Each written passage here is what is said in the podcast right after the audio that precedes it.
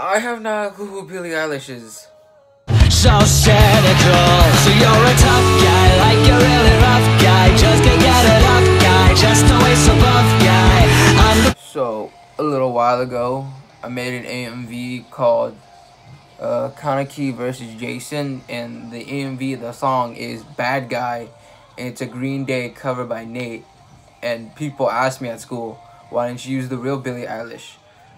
Real, why didn't you use Billie Eilish's actual song? That would have been better. And I told them, I don't know who Billie Eilish is. Just to be clear, it's uh, this AMV and it says bad bad guy green day cover and to this day people are still mad at me that i don't know who the fuck billie eilish is granted i thought billie eilish was a dude but billie eilish is a girl and i didn't know who billie eilish was until i heard this cover of the song so i'm sorry that i don't know who billie eilish is i still don't know to this day who she is i'm i'm actually gonna look her up yeah, this is the first time I ever saw who Billie Eilish was, and I just looked her up, and apparently she's hella famous.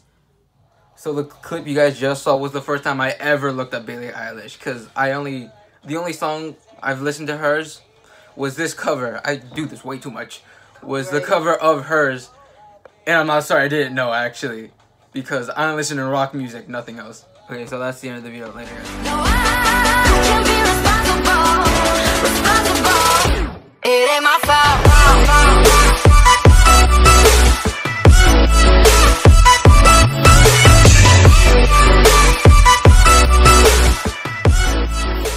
During this whole video, I just realized Billy is also a girl's name. Not gonna lie.